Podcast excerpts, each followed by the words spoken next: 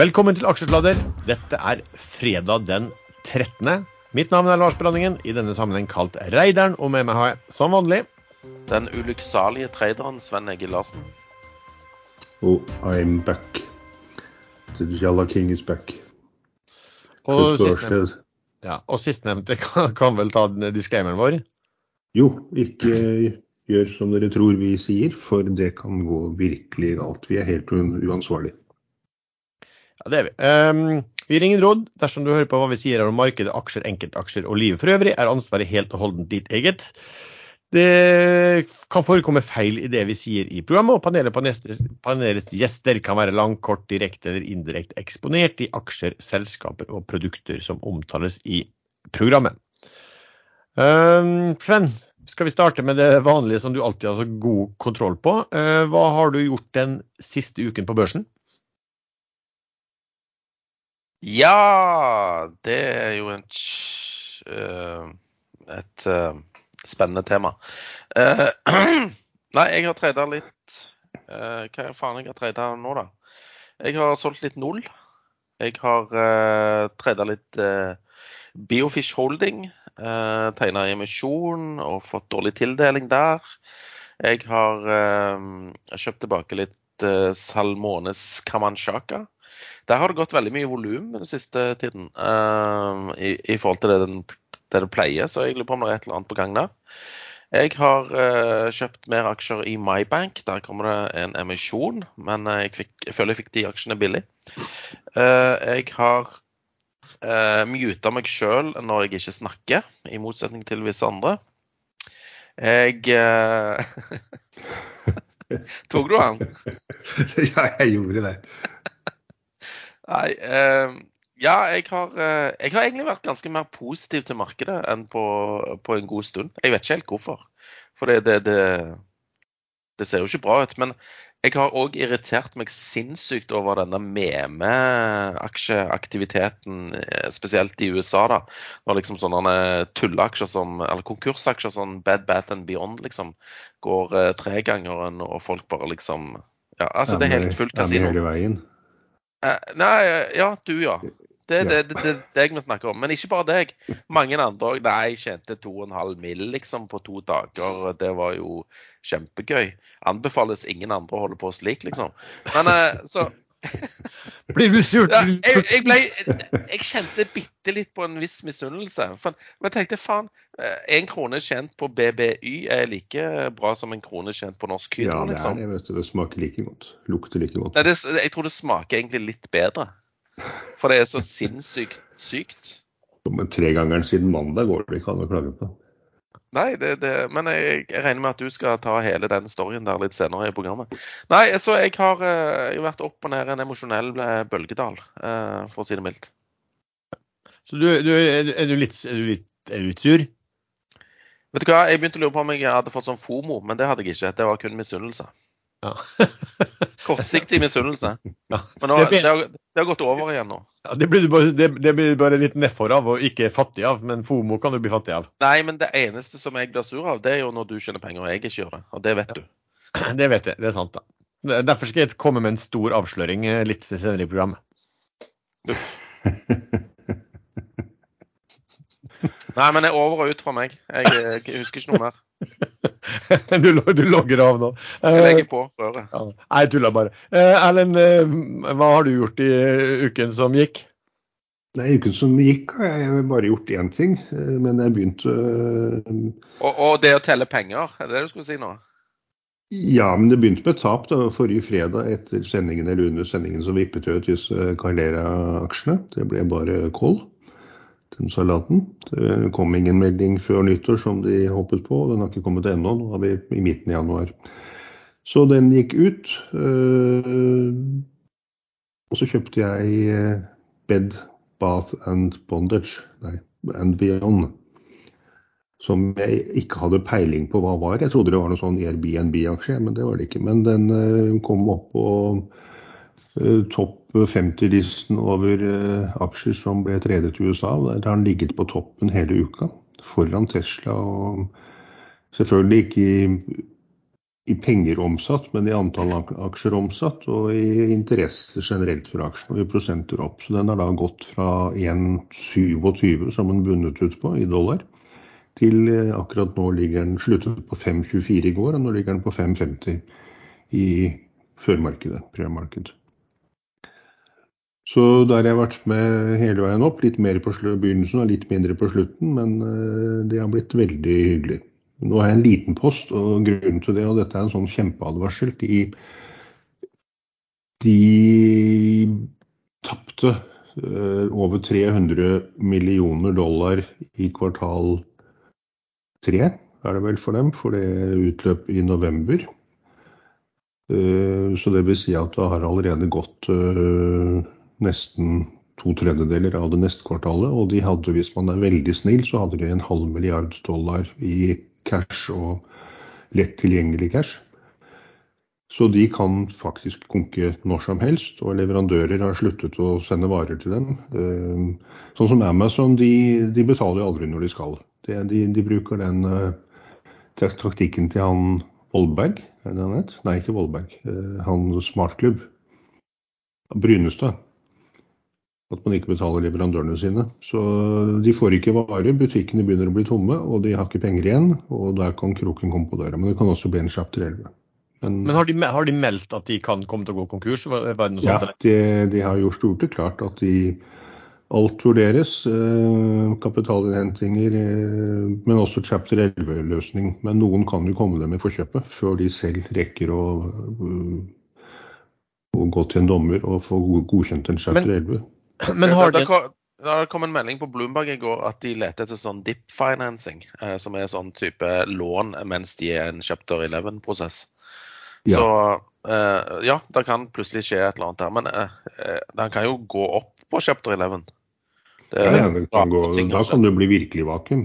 Men har de ikke noe sånn, de har ikke noe sånn ATM-mulighet? At de, de, kan altså bare gjøre en emisjon ved å bare selge nytrykte aksjer ut i markedet?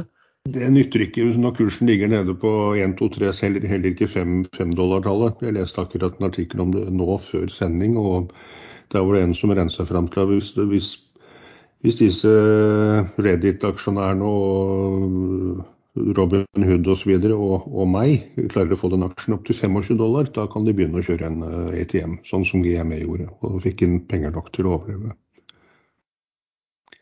Ok, Så du har kjøpt den aksjen her for at det er det komplette shit, eh, fordi at, men fordi at det er masse galninger sånn som du som er inni den?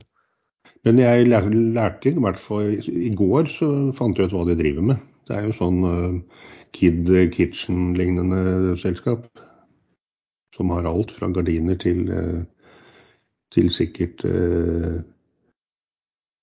ja. Sengetøy i sateng og silke, som du liker så godt. Ja. Bortsett fra at jeg foretrekker egyptisk bomull. Ja, det har de ikke. Nei, ikke sant? Så det, Dette er sånn low-key. Eh, så de har, de har sånne silkegreier. Eller, eller sånn silkekopi. Og så har de sateng, da. Du, ehm, Erlend, du vet at han, eh, analytikeren eh, Petter Kongsli i Sparebanken1 Markets han, han, sendte i fjor ut noen sånne statistikker rundt uh, risiko og galskap. og sånn, og Nå hadde han også sendt ut noen ting om sånn test som var gjort da, på folk som da de mente var eh, narsissister og psykopater. og Det var sånn at de tok overdrevent eh, risiko i, når det, i en sånn spillteori. noe du noe du, noe du kjenner igjen i? Nå var det mutet nå, Lars. Jeg hørte ikke hva du sa. du skjønte ikke de fremmedordene? ja, nei, man, eh, men dette er jo det, det, er faktisk et offisielt finansuttrykk som heter 'fuck you money'. Det, man går ikke all in i sånne aksjer. Ikke nå, ikke, ikke nå lenger? Nei, jeg har jo vært innimellom all in i da jeg bygget meg opp, så var jeg all in, som Sven antydet før. I ting som kunne gått helt kaldt. Men da hadde jeg jo Jeg har jo et firma ved siden av, tjener penger ved siden av, så det, det, er ikke noen katastrofe om jeg skulle klare å ta på alt. Men det jeg går ikke all in. Ja. Er det noen annen uh, trading der du, du, har gjort den? Nei, jeg følger jo med på denne Doff og ser at den har ramla under en krone. Eh, Men av en eller annen merkelig grunn så har ikke eh, Møgster solgte en eneste aksje. Så jeg skjønner ikke hva som skjer der. Men eh, ja, den har falt sakte, men sikkert tilbake. Den var jo oppe i 1,20-1,25 eh, etter den generalforsamlingen hvor det gamle styret ble kastet. Men det har ikke kommet noen meldinger om noe som helst. Eh, Nei. CFO og CEO har fortsatt, tydeligvis. Men eh, det, det må jo stemmes eh, Denne her løsningen må jo stemmes gjennom på en generalforsamling etter at rekonstruksjonen er ferdig. Så det er derfor Møgster ikke selger. Det er nok det. Ja. OK. Um, for min del så ja, eh, Hafnia var jeg vel, snakka vel om at jeg hadde kjøpt siste gang jeg kom meg inn, og så økte den eh, en god del også i tidligere i uken. Og så kom det vel var vel i ja, på onsdag før åpning i går så, kom, så falt disse spot-ratene ganske eh, mye. Også den Scorpio tanker som har gått veldig bra i USA, og så falt da på børsen her. Så da eh, bare vippa dem ut og være, for å være smart og komme meg inn igjen på litt billigere. Og den falt jo også en 2-3% men så har den nå steget opp igjen, så nå er den vel omtrent der jeg solgte, solgte meg ut. Så um, ja. Um, men, men eh, så jeg får vel bare komme meg inn igjen i den da. Um, og så har jeg også, skal vi se Jeg har kjøpt litt mer kul. Det jeg fremfor alt har kjøpt, er at jeg har kjøpt litt mer uh, standard uh, supply de siste dagene. Altså alt av supply har jo gått veldig bra, men den standard supply stått helt stille. Uh, og den har vel ligget og lever litt minus, mens da Tidewater f.eks., som er mye større selvfølgelig i USA, har gått kraftig opp. Men Tidewater har jo bare um, PSV-er og AHTS-er, mens STSU har bare PSV-er. Og, og det, ellers er det jo en del av disse supplies som har gått, som har, har vært ganske tung på subsea-fartøy. så, så sånn sett kan man jo kanskje se litt, eh, snegle litt mot utviklingen i, eh, i uh, Tidewater. Da. Uh, så har jeg kjøpt uh, i dag kjøpt en del eh, Africa Energy, for den har jo falt noe voldsomt og ser kanskje ut som man begynner å stabilisere seg etter eh, alt det som har, eh, eh, som har skjedd der. Ellers så det Den, den har jeg glemt ut at den har til og med jeg òg kjøpt. Men jeg har bare kjøpt rundt 100 000 aksjer. Ja. På 1,29 eller 1,28 et eller annet. Ja, det er bra. Jeg kjøpte, jeg kjøpte vel noen, hundre i dag, og så har jeg noen, en del fra før også. På, så, så etter den forrige gangen dippa, det var vel også sånn rundt en Rett i underkant av 1,30 var vel noen dippa sånn voldsomt. Skal dere, skal bomme en eller annen slags eh, gassdeal der? Det var en på Ekstremester som maste om et eller annet. Det skal komme noen news om noe et eller annet. Jo, men det har de snakka om veldig lenge. da, sant? At De er helt avhengig av, eh, av eh, hvordan altså, struktur i, i, med myndighetene i, i Sør-Afrika, og ting tar alltid tid. Ja. Det har man sett på alle disse her som har vært involvert i Afrika og de oljeselskapene her, som skal liksom få en deal som kommer snart. Det kan, det kan, det kan trekke ut i tid. Men eh, det, Er det, er det, er det treg postgang på brune konvolutter? Er det det du antyder? Men bare for å ha nevnt det, så har den aksjen en stygg tendens til å falle under en krone i alle venteperiodene. Ja, altså hvis du ser litt tilbake, hva var den på? Den falt ned til 1,20 Jeg på det verste under finans... Nei, finanskrisen, under eh, covid-perioden. Så Jeg ja. hadde den akkurat oppe her, så Skal vi se. Africa Energy Må bare bla litt her. Men det er jo ikke sånn, jeg har jo vært det er det samme, det. det er, Jeg har jo snakka om den før, for jeg var jo inne og, og treida den fram mot eh, den båreresultatet. Og, og, og taktikken da var jo også, som slo til igjen, det var å selge før nyheten på den kom. Og den, den kursen var jo oppe i tre, rundt tre kroner, vel? Over tre kroner òg. Før de, det boreresultatet kom, og så var det da skuffende, og så kursen falt. Og så ser man egentlig ikke noe sånn kanskje kortsiktige trigger, og så er det vel kanskje noe, jeg vet ikke om det er noen politisk småkrangel i Sør-Afrika, så tar det også tid også. Så litt out of favor. Så, så det er ikke noen sånn stor posisjon, da, men det gjelder bare å se om kanskje den eh, viser tegn til å i hvert fall stabilisere seg, og får man heller fylle på den kanskje litt hvis den begynner å, eh, den begynner å gå oppover. Um, jeg hadde nesten rett. Den var under én krone i juni 2018, og så var den under én krone i mars 2020. Så det er tre år siden snart. Ja, Eh, mitt, Men eh, du vet hva som eh, skjedde i mars 2020? Ja, da var det noe greier. Det husker jeg ikke lenger. Ja, nei. Men eh, det var mange aksjer som satte nye bunner akkurat rundt den tiden, husker jeg. Det var det. Men den har eh, såkalt higher lows, og det er jo et eh, godt tegn hvis den, hvis den bunner ut her, da. Vi får vel se, da, eh, hva som, eh, hva som vil eh, skje der. Jeg må prøve å sjekke litt mer om hva som kan eventu- Om det er noen eventuelle triggere som med litt sannsynlighet kan komme eh, i løpet av kort tid. Så får vi se. Eh, Sven, eh, hva har skjedd på eh, emisjonsfronten siden sist? Jeg husker kun to, og det er Endur og eh, Biofish Holding. Endur eh, Jeg trodde de var avregistrert, avnotert og, og, og lagt i, i arkivet for lenge siden, men de er faktisk fortsatt på børs, og de har vel eh, gjennomført en sånn eh, spleis eh, siden sist vi snakka om den. Så ja, den har, den har forholdt seg rolig. Men eh, det ble henta penger på 27,540 millioner kroner, hvis jeg ikke husker feil. Eh, jeg deltok ikke der. Det var to transjer, men jeg tror eh, retail, altså de som tegner for en middel, fikk en middel. Og de fikk alle i transje én, sånn at det var mulig å kvitte seg med de på dag én.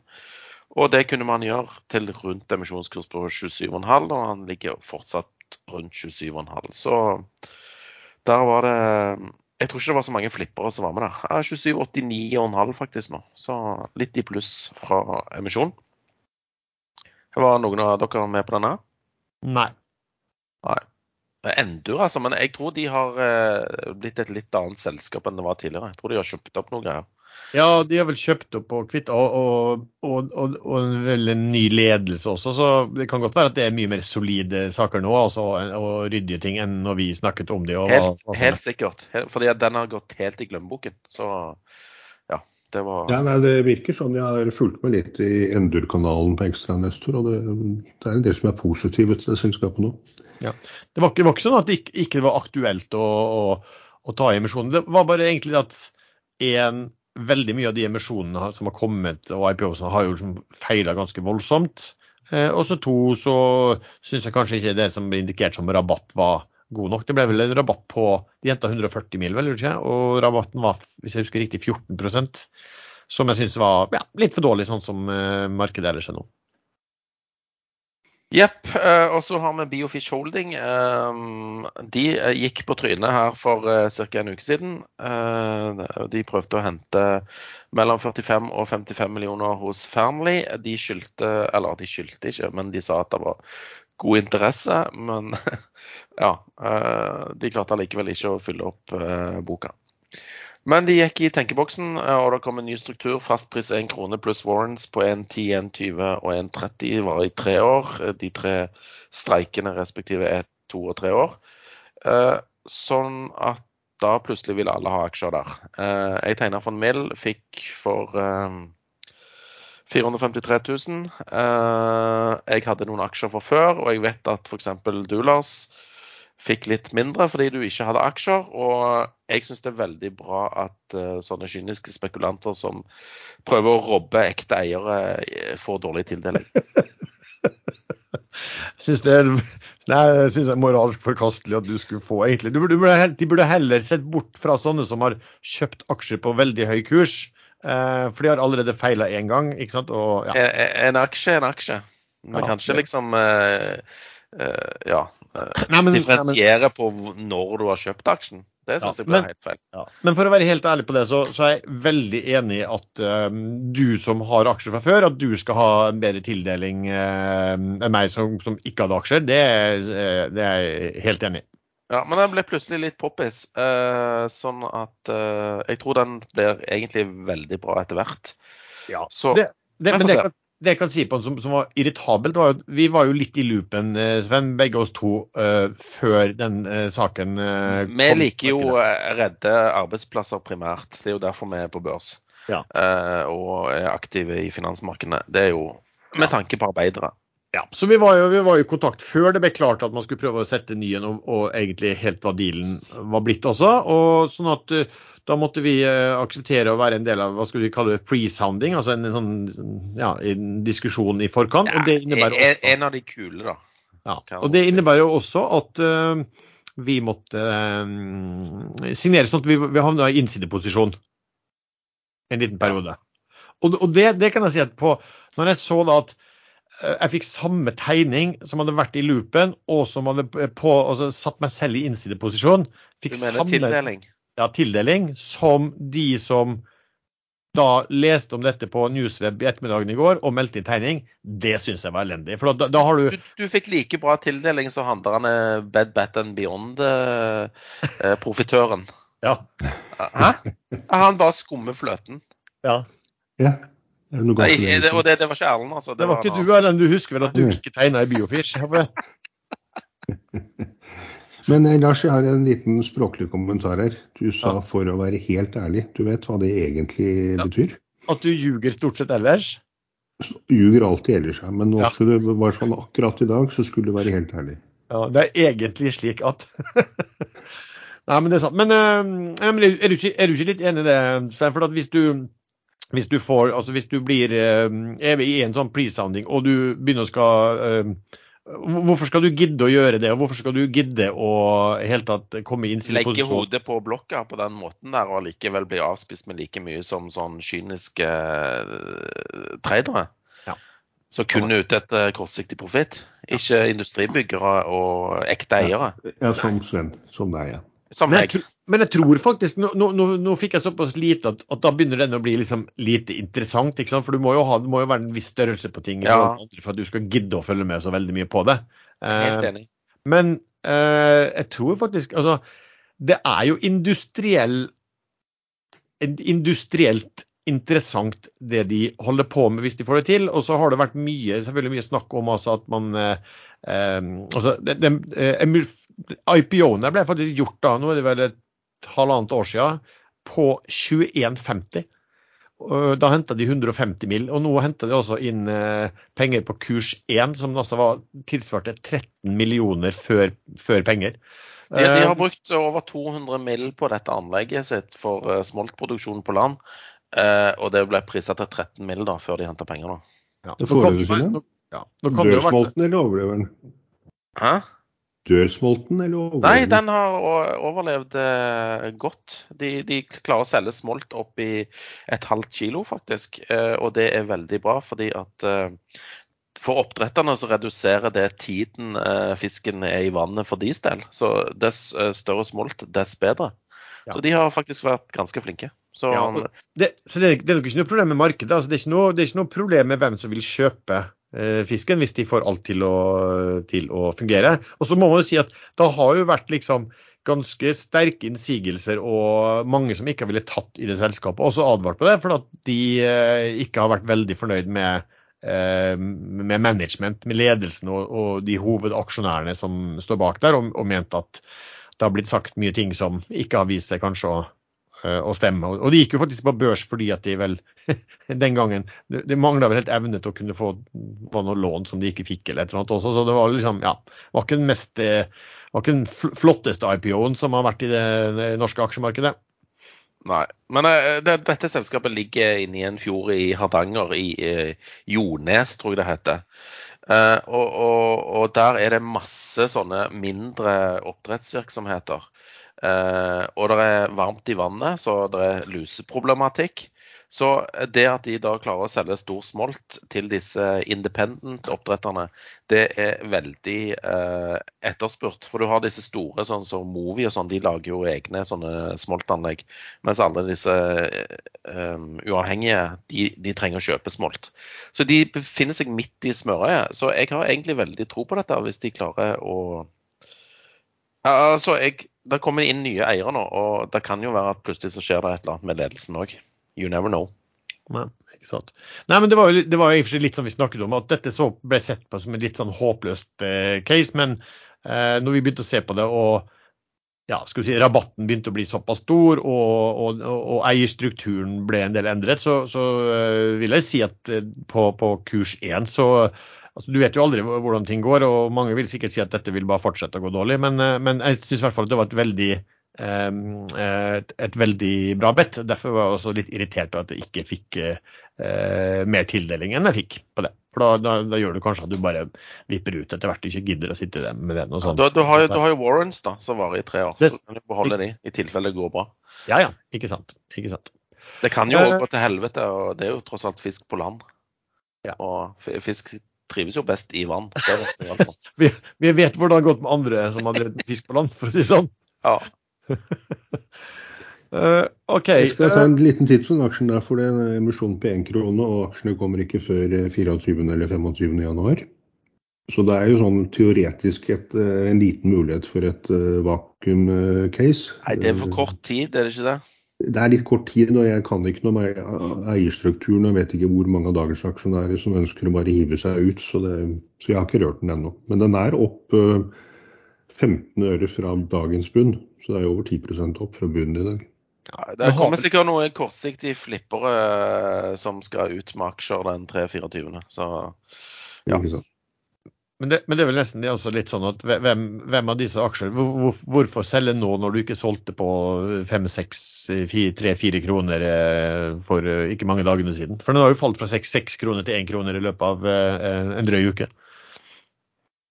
Um, men da, det, det, var ikke noe flere da på emisjonssiden eller på nedsalgssiden da? Nei, vi venter jo fortsatt på disse nedsalgene i Hafnia, da. Men du har jo ikke aksjer der nå, så nå kan det godt drøye litt. ja, vi, vi, da, men vi kan nevne ett et, eh, Det var jo ikke akkurat en strukturert nedsalg, men det var et meglerhus som gjorde det og fikk satt det litt rundt. Det er jo han eh, berømmelige eh, eks-gründer, eks-sjef Sagmo, som solgte alle aksjene sine i Bergen Carbon Solutions. Fikk du med hva som skjedde der, Erlend? Ja, han øh, meldte vel øh, før utpå høsten en gang at han ikke skulle selge i desember når lockupen lock gikk ut. Og det ordet holdt han. Han solgte rundt 10.1 isteden. Da solgte han alt. Så hvis han solgte resten, og da ramla kursen Han ned, solgte i blokk på 8 kroner, og kursen lå, lå opp over 10. Og litt sånn forhåpninger i luften før han solgte. Men da var det vel Fredelig og en til som tok imot disse aksjene, og de er også solgt allerede. Ja, Fredelig Sæter og en som heter Espen Western, som eh, Jeg lurer på om han de, jobber for Spetalen? Ja, tilknytta Spetalen i hvert fall, på visse ja. ting. Ja. Så kuren, de fikk kjøpt på 8 kroner, og kursen var vel på sånn 8,56 etterpå, så de fikk vel 5 eh, da, på eh, kjapp snuse rundt. Men jeg, jeg syns det er litt dårlig gjort. Jeg vet ikke hva for et meglerhus som plasserte posten, men det var ingen som ringte meg. Men hadde du tatt den hvis du visste eh, hvem, eh, hvem, hvem som solgte? Ja, selvfølgelig. Det var jo gratis penger. Ja, var det det? Ja. I etterkant? Ja, alle er jo kommet ut over åtte. Ja da. Jo, Man må jo vurdere når gründeren som har vært så positiv og, og, gått ut på Twitter og hauset opp aksjen og sagt at det er, nå er den billig og jeg skal kjøpe mer, og gratulerer til de som har kjøpt på kurser langt høyere enn dagens. Men du visste vel egentlig innerst inne at dette er bare et eh, desperat eh, håp om å holde kursen på et visst nivå, sånn at jeg får solgt? Jo, det er jo det man tror, og man har jo vært med noen år, så det var, det var sånn jeg leste det òg. Men uh, spørsmålet er jo funker dette i det hele tatt? Vet han noe som andre ikke vet? Ja, jeg vet ikke, men han nye sjefen kjøpte 30 000 aksjer i går på 8,40, tror jeg det var. Så, men om det var kun et spill for galleriet eller noe, det har jeg ikke peiling det er jo en del sånn innsidehandel og kjøp som jeg føler av og til er bare spill for, uh, for galleriet. Altså, man, uh, jeg bruker alltid mistenke at nå har de hatt en diskusjon i styret om bonuser. og det, kan, Du må gjerne få en bonus, men du må gjerne bruke den på å kjøpe, kjøpe aksjer. Det, ja, det, er ikke så godt å si alltid, da. Men, men jeg, jeg, håper egentlig at de får det til, for det hadde vært litt kult. Ja. liksom in your face-opplegg. Ja, da er jo oppsiden enorm hvis de får det til. Ja. Det, det, det, som hadde vært morsomt, som ble, ble ledd av, var jo at når, når, den posten ble kryssa, man skjønte jo at det måtte være Hans Hagmo, så var det jo sånn Tenk hvis det hadde vært Saga som kjøpte tilbake. For at Saga pumpa jo ut aksjer der så, og, og senka jo kursen fra 25 vel til, til, til 13 kroner. Um, i løpet av Det var jo i oktober, og det var da han kommenterte, han eh, Sagmås, at han heller skulle kjøpe, og, og gratulerte folk som hadde kjøpt, fra, eh, kjøpt av de aksjene som var på 13. Og så går det Men, men, men han kjøpte ikke mer enn rundt 3700 aksjer, eller et eller annet sånt? han, han solgte vel for 40 millioner året før, og så kjøpte han, når han var, så hadde uttrykt stor tro på aksjer, så kjøpte han aksjer for 50 000 i oktober. Og så skulle han ikke selge noen ting, Avviste avviste at han skulle selge når lockupen gikk opp i desember, og det gjorde han ikke. Han venta seks børsdager inn i det nye året, og da solgte han alle på åtte. Så det er vel sikkert, altså, men ok, folk må jo ta ansvaret selv av hva de sitter og leser når folk lirer av seg ut på Twitter og på ja, andre steder på sosiale medier. Uh, men Sven, du, du, var jo litt involvert i det hele planleggingen av den dealen jeg vet jeg. Er du stille nå? Hva, hva er det du snakker om nå, egentlig? Jeg sa at du var involvert og var med i planleggingen av dette salget i Bergen Carbon Solutions, vet jeg. Var jeg? Er det noe du benekter? Nei, jeg kjenner meg ikke igjen i beskrivelsen. Han kjenner seg ikke igjen i beskrivelsen. Men det, sånn her er det at du hadde altså Bergen Carbon Solution eh, som en av dine julekuler, og, vi på, og du fikk strekt dette salget sånn at det ikke Når vi gjorde opp status på fredag, så vant du. Og på eh, mandag formiddag så pumper han altså ut disse aksjene. Og det, ja, det er, er helt grunnen til at du vant den julekulekonkurransen. Ja. Ja, du, du, har hørt om Facebook-venner, ikke sant? Og så har du hørt om Twitter-venner. Ja. Jeg tror jeg er venn med han på Twitter. Ja, nettopp. Der har vi det. Hva, hva, hva, hva syns du om dette, Erlend? Nei, jeg syns dette er helt hårreisende. Jeg håper Finanstilsynet kommer og tar Sven. Jeg hadde jo vunnet med min Ørsted-satsing eh, hvis dette hadde vart i to dager til. Nå har den satt fire måneders high etter at, jeg, etter at konkurransen nei, men, var ferdig. Nei, men du hadde jo ikke vunnet uansett. Jeg hadde vunnet. Jeg var jo like Jeg vil si at jeg vant eh, moralsk når jeg satser på en uh, blue chip innenfor uh, renewables som er et marked som har falt, falt og falt de siste par årene, pluss på cash, og helst ikke ville ha andre aksjer i det hele tatt, men ble tvunget til å ta inn et par dårlige aksjer i porteføljen. Så jeg er den moralske vinneren av fjorårets konkurranse. Det er helt dette, åpent. Dette er lyden av to dårlige tapere som krangler. men um, vi kan vi gå og ta den videre. Fordi at Sven, er det noen ting du har lyst til å si om eh, denne mm, sort svane-konkurransen og, og, vinneren av den i fjor? Ja, I fjor ja, så eh, utropte jo jeg Erlend som den moralske vinneren av den konkurransen. Men i ettertid så viser det seg jo at jeg hadde glemt ut min egen. Jeg trodde det var aliens, men det var jo året før. Så jeg hadde jo sånne Kina. Kina skulle stenge ned og føre til masse sånn dritt i, uh, på tilbudssiden. Og, og, økte priser og ding og dang, og alt skulle gå til helvete. Og så skulle Kina bare gi faen og åpne opp, og alle masse kinesere skulle dø. Men, uh, og, og, det stemte jo på en prikk. Men uh, jeg hadde jo uansett ikke vunnet den konkurransen, for dette var jo tydeligvis ikke så usannsynlig som, som jeg da ga uttrykk for på begynnelsen av året i fjor. Så jeg hadde vel blitt diska, hadde jeg ikke det? Ja, altså når var, du Var hadde vel kommet inn og satt no goal. Nei, vi vil gni det litt inn nå. fordi at eh, Det var ingen av oss som sa at det her var sannsynlig når du snakket om det for et år siden. Det ble sannsynlig utover året, vil jeg kanskje si. Så, så for å gni det inn, da, så hadde du husket Men nå, nå har du jo faktisk erklært Erlend eh, som ja, vinner, da. Ja, kan ikke trekke tilbake det. Jo, jo, jo. Han kan jo det. Det er bare, det er bare et pengespørsmål. Eh, for meg så betyr eh, det å vinne ikke så veldig mye. Det er så lenge jeg ikke kom på sisteplass. Men det gjorde du jo. jeg tror Lars er ute etter å fiske etter hvem som vippser han mest for å erklære en eventuell ny vinner. Men eh, ja, jeg er ikke av meg.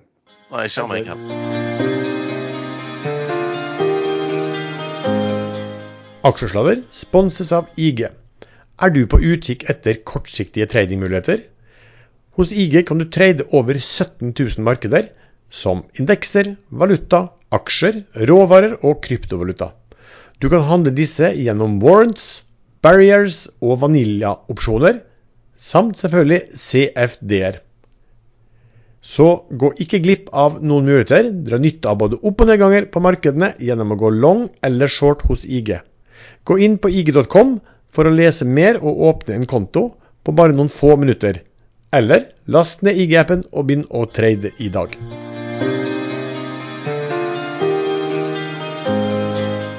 Ok, vi, Det kom jo inflasjonstall i går som markedet var veldig eh, spent på. Hva, hva tenker du om eh, hva som kom, eh, Sven?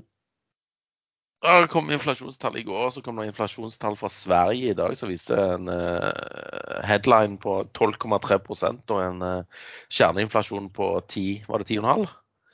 Uh, fantastiske inflasjonstall. Boligprisene i Sverige har falt 15% og skikkelig party og søta bror. Men det betyr kanskje ikke så mye for verdensøkonomien. Ikke så mye som i USA, der det kom inflasjonstall for desember, som viste headline på 6,5 eh, og kjerneinflasjon på 5,7. Begge tallene var spot on på estimater. Eh, børsene reagerte med vantro og endte relativt uforandra. Ja, litt, litt, opp, kanskje? Til, til litt, litt, opp, ja. Jeg tror de falt litt mot slutten av dagen, hvis jeg ikke husker feil. Ja. Men, men, det kan være også det, den umiddelbart så falt den vel eh, litt ned, og så gikk den fort opp igjen. Og så kom det jo også altså, det her er jo helt utrolig, men altså, disse her Fed-direktørene har aldri sett folk som er sånn løse kanoner og ute og, og prater. Altså, det er nesten som at hvis du har et børsnotert selskap, at du hadde hatt masse mellomledere hele tida som, som, løp ut og uttalte seg om driften til enhver tid i media. Det er jo helt vilt. Men de kommer også med en del der de begynte å indikere kanskje at dette begynte å se bra ut, og, og kanskje ikke vi trenger å øke så mye som vi hadde tenkt på neste rentemøte. Um, men også bare sånn Apropos Sverige. Sverige har jo hatt en helt fantastisk åpning på børsåret 2023. Den er altså OMX-en, de 30 største, er jo opp nesten 9% på ikke så veldig mange børsdager. tenkte og, og Samtidig så har de da altså den inflasjonen, det fallet i boligprisene og, og ja, realrenten der er vel minus 10% så egentlig det, burde det være bra for, for, eiendom sånn sett. Men eh, det er vel ja. Men da, da kommer jo også et spørsmål ut fra her. Hva tror vi da om inflasjonstallene og videre? Har du noe formening, eh, Erlend? Helt sikkert. Vi kan gjenta spørsmålet, så jeg kan høre etter eh, hva du sa.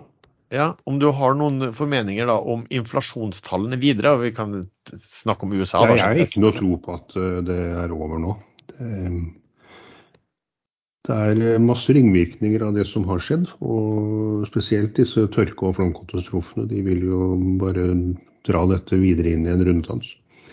Så det Kina åpnet opp, det vil eh, medføre etter en liten bråstopp der nå fram til mars kanskje, og nå har de jo snart kinesisk nyttår, så det vil bare forsterke bråstoppen. Eh, så begynner de å etterspørre mer og mer, og da vil vi måtte betale mer for det vi importerer derifra, eller i konkurranse med Kina. Så jeg tror det kommer en ny runde med inflasjonstall, og da får man jo se hvordan markedet reagerer på det. Inflasjonen har jo falt eh, veldig mye pga. Eh, fallende energipriser. Og nå har jo, i hvert fall de siste dagene, oljeprisen beveget seg eh, nordover. Så plutselig så får du oppgang i energiprisen igjen. Og så i tillegg så eller Et motstykke er jo at Tesla setter ned prisene på bilene sine igjen. Noe som forsterker min tro på at min sorte svane for i år kommer til å slå til for fullt. Hva er din i år? Tesla går konk. Bra du husker det, da. Den kommer jeg til å huske helt fram til jeg ikke husker lenger. Uh, men det var en annen ting jeg òg skulle si om inflasjonen. Uh, jo, um, det, faller, det faller litt, og det er jo forventa. Uh, mye pga. lavere energipriser. Men så har du den som er litt mer sticky, og det er økte lønnkost, lønnskostnader. Det er en kostnad du ikke klarer å få ned igjen. Har du først satt opp lønnen til noen, så klarer du jo søren ikke å få den ned igjen. Da kan du enten uh, bare fortsette å øke lønnen, eller du må si opp folk. Da får du jo ned lønnen på, på, en annen måte. Men det fører jo da til at uh, folk mister sin inntekt og ikke har mulighet for å kjøpe noe. Som òg fører til eh, lavere inflasjon. Da. Så det er jo litt bra. Og det er jo akkurat det Fed er ute etter. At flere folk mister jobben, sånn at kjøpekraften rundt omkring totalt sett blir mindre. Så også, Vi har jo snakka mye knytta til inflasjon og når den steg om dette med shelterkost, altså eh, den slags sånn teoretiske bokostnaden, og som var veldig lagging. altså at eh, Den, den, den steg altfor lite eh, i forhold til hva all statistikk viste om hva skulle si, utleiepriser på privatboliger. Eh, så Det gjorde at, at den reelle inflasjonen egentlig var mye høyere. Men så får du jo motposten nå, da, at det er legging, sånn at den steg ganske mye faktisk på den, eh, på den, den delen av inflasjonen eh, i går. Men som man sier, at er legging, og nå er jo på en måte boligprisene eh, begynner jo heller å falle i USA også. Så du kan si at der har du fått en legge at nå er kanskje disse utleieprisene eh, på, på, på, vei ned igjen eh, der. Men det vil du, du, du kan fortsatt fort se en økning i, det, i, i denne shelterkost. Vil fort øke, ja, kan fort øke i seks måneder til, den, før den kanskje begynner å, um, snu rundt igjen også. Så er det også spørsmål om noen type sånn, En ting er varekostnader som kanskje faller ned, men hva, hva skjer med type sånn service-tjenestekostnader, som, som, gjerne er litt mer sticky og kanskje mer, litt mer knytta til, til lønnsveksten. Så ja, men den vil vel skli videre, da. Spørsmålet er vel bare til hvilket nivå, den, hvor langt ned den vil skli i løpet av øh, året, og, og hvilken rente ja, Fed øh, vil ha på slutten. der. Ja, din påstand er at den vil skli videre nedover i løpet av året?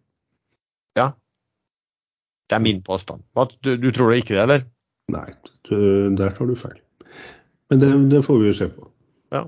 Men har du rett, så skal, man, så skal man være veldig forsiktig i aksjemarkedet. Ja, ikke sant. Jeg leste faktisk en artikkel om Exxon i går. Dvs. Si om en uh, gruppe som har analysert uh, alt Exxon selv internt uh, beregnet om klimaendringer forårsaket av CO2-utslipp. Og de berømmet Exxon for å ha hatt ekstremt riktige prognoser. Men de prognosene var jo ikke helt offentlige. Da. Det var jo til internbruk. Så Exxon beregnet allerede på 70-tallet eh, temmelig nøyaktig det som skjer med klimaet pga. CO2-utslipp. Det er fascinerende. Så Exxon vil jeg tro kommer til å få et gigantisk søksmål etter hvert, sånn som eh, sigarettindustrien fikk. Ja, ved at de visste om en skade? De visste helt, ja, helt klart. De har jo delvis innrømmet det, men de påstår at de var usikre og også delvis har sagt det. Men sånn i ettertid så er det lett å få mange til å tro at det var det de gjorde da. Men vi som levde den gangen, du vet jo godt at Exxon aldri sa det. Dette var ikke noe å bry seg om. Det var bare å kjøre på. Du, ja, I går kveld så kom Skana eh, med en litt sånn spesiell melding der eh, toppsjefen gikk av, styreleder gikk av, og to andre styremedlemmer også gikk av. Eh, Sven, har du noen anelse om uh, hva som kan foregå der? Det kan jo virke som at uh, det er uenighet om veien videre for uh, selskapet. Så ikke vet jeg, men Skana har jo kjøpt opp ny virksomhet som er blitt en stor del av, av dette konsernet. Og kanskje at de nye si, nye, større eierne var litt uenig i strategivalget til dagens ledelse og styre. Ich weiß nicht. Den er ned 1,8 ja, eh, i dag, så den har ikke fått sånn veldig veldig eh, negativ utvikling som, som Nei, men Det virker jo, virker jo, dramatisk, for ellers så kunne de jo vente til den ordinære generalforsamlingen litt senere i år. Ja, ikke sant? Det, sånn, det, blir jo sånn i protest, ikke sant? at eh, tre, tre, stykker går av i protest. Herav, herav styreleder, og så sitter fire andre igjen. som Det må jo ha vært en eller annen stor, stor, stor uenighet i hvert fall i det styret der. Uh, vi, har fått, vi får som alltid mange spørsmål da, fra, uh, fra lyttere. Uh, et spørsmål er jo litt sånn ormebol å gå inn i, for folk blir jo ofte litt irritert når man snakker om det. Men REC Silikon er et spørsmål. De har et stort obligasjonslån, forstår jeg, i hvert fall et lån, som forfaller i april. Eh, rekker de å kunne liksom få innfri det og refinansiert det på en billig måte, eller tror man på at det kommer en emisjon i selskapet? Erlend, har du noen oppfatning? Nei, jeg har ikke det. det blir rekka blitt altfor teknisk for meg. Det, de store drømmene mener jeg er borte. De har en storeier som kan skalte og valte akkurat som han vil, så da får vi heller avvente og se hvordan det kommer. Men hva tror du de Men hvis det Ja. Men hvis, hvis, du, hvis du mener den skalte og valte, hva tenker du da? Nei, da tenker jeg på øh, hva rekke, hva Hanva hva Hanvas andre fabrikker øh, kommer til å betale for det REC produserer. Det finnes jo konkurrenter på markedet. Ja, men jeg, jeg vil helst ikke uttale meg om REC. Det blir bare sur, dårlig stemning der ute. Ja. Den er opp faktisk 13 siste uke, REC, men eh, er da på én måned Fra hvilket nivå, 80 liksom? Ja, den falt ganske kraftig helt mot slutten av 2022. falt den kraftig. Den var ned på under 13, da, og nå er den på 14,30 akkurat. 34 I år var den øh, i august, midten av august var den oppe på 24,50. Har du, har du noen oppfatning der, eh, Sven, om, eh, om eh, finansieringsrisikoen per se? Nei, det har jeg veldig liten formening om. Jeg har interessert meg ekstremt lite for denne Rexi. Men de har jo en, en rik eier i Hanva, eh, så jeg tipper det ordner seg på et eller annet vis. Ja, ordnes det jo. Spørsmålet er jo bare om det jo, er jo om de eh, refinansierer det på lån, eller om de bruker muligheten til å gjøre en, eh, en emisjon eh, på det. Altså, Ja, men altså, jeg er pisslei den der REC-greia. For det, de kommer jo aldri i gang med disse fabrikkene sine borte i USA der. Eh, selv om det i selv om eh, myndighetene i USA tilrettelegger for eh, produksjon av solceller innenlands, så mye snakk og lite action, føler jeg. Ja, men det tar vel tid. De har vel plan om å, om å igangsette i slutten av, 20, av året, vel? OK, da vet du mer enn meg. Ja, planen. I løpet av 2023 skal de starte opp uh, Moses Lake. Byttet er jo i Den er vel bortimot full produksjon nå. Ja. Og Hanva setter jo i gang egne fabrikker som egentlig altså, eh, st- blir storkunde til Ja, rett. men eh, og, vi har ikke snakka om disse silisiumprisene som har falt som en stein. Og jeg er veldig uinteressert i både den og i Elkem og det der Borregaard og Norsk Hydro. Jeg syns det er så kjedelig. Ja, men, men eh, det er jo, eh, det er jo kursbevegelser i de, i de også, da. Jo, jo, sikkert det. Men jeg syns fortsatt det er veldig kjedelig, som Ja. metaller. Ja. Det er tung, synes... sy- tung, tungt mat, man er tung materie.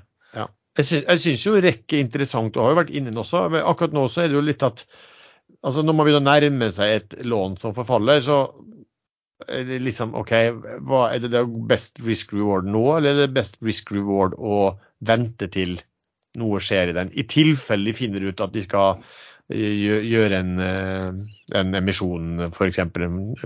retta eller fortrinn på det. det. Det vet man jo ikke.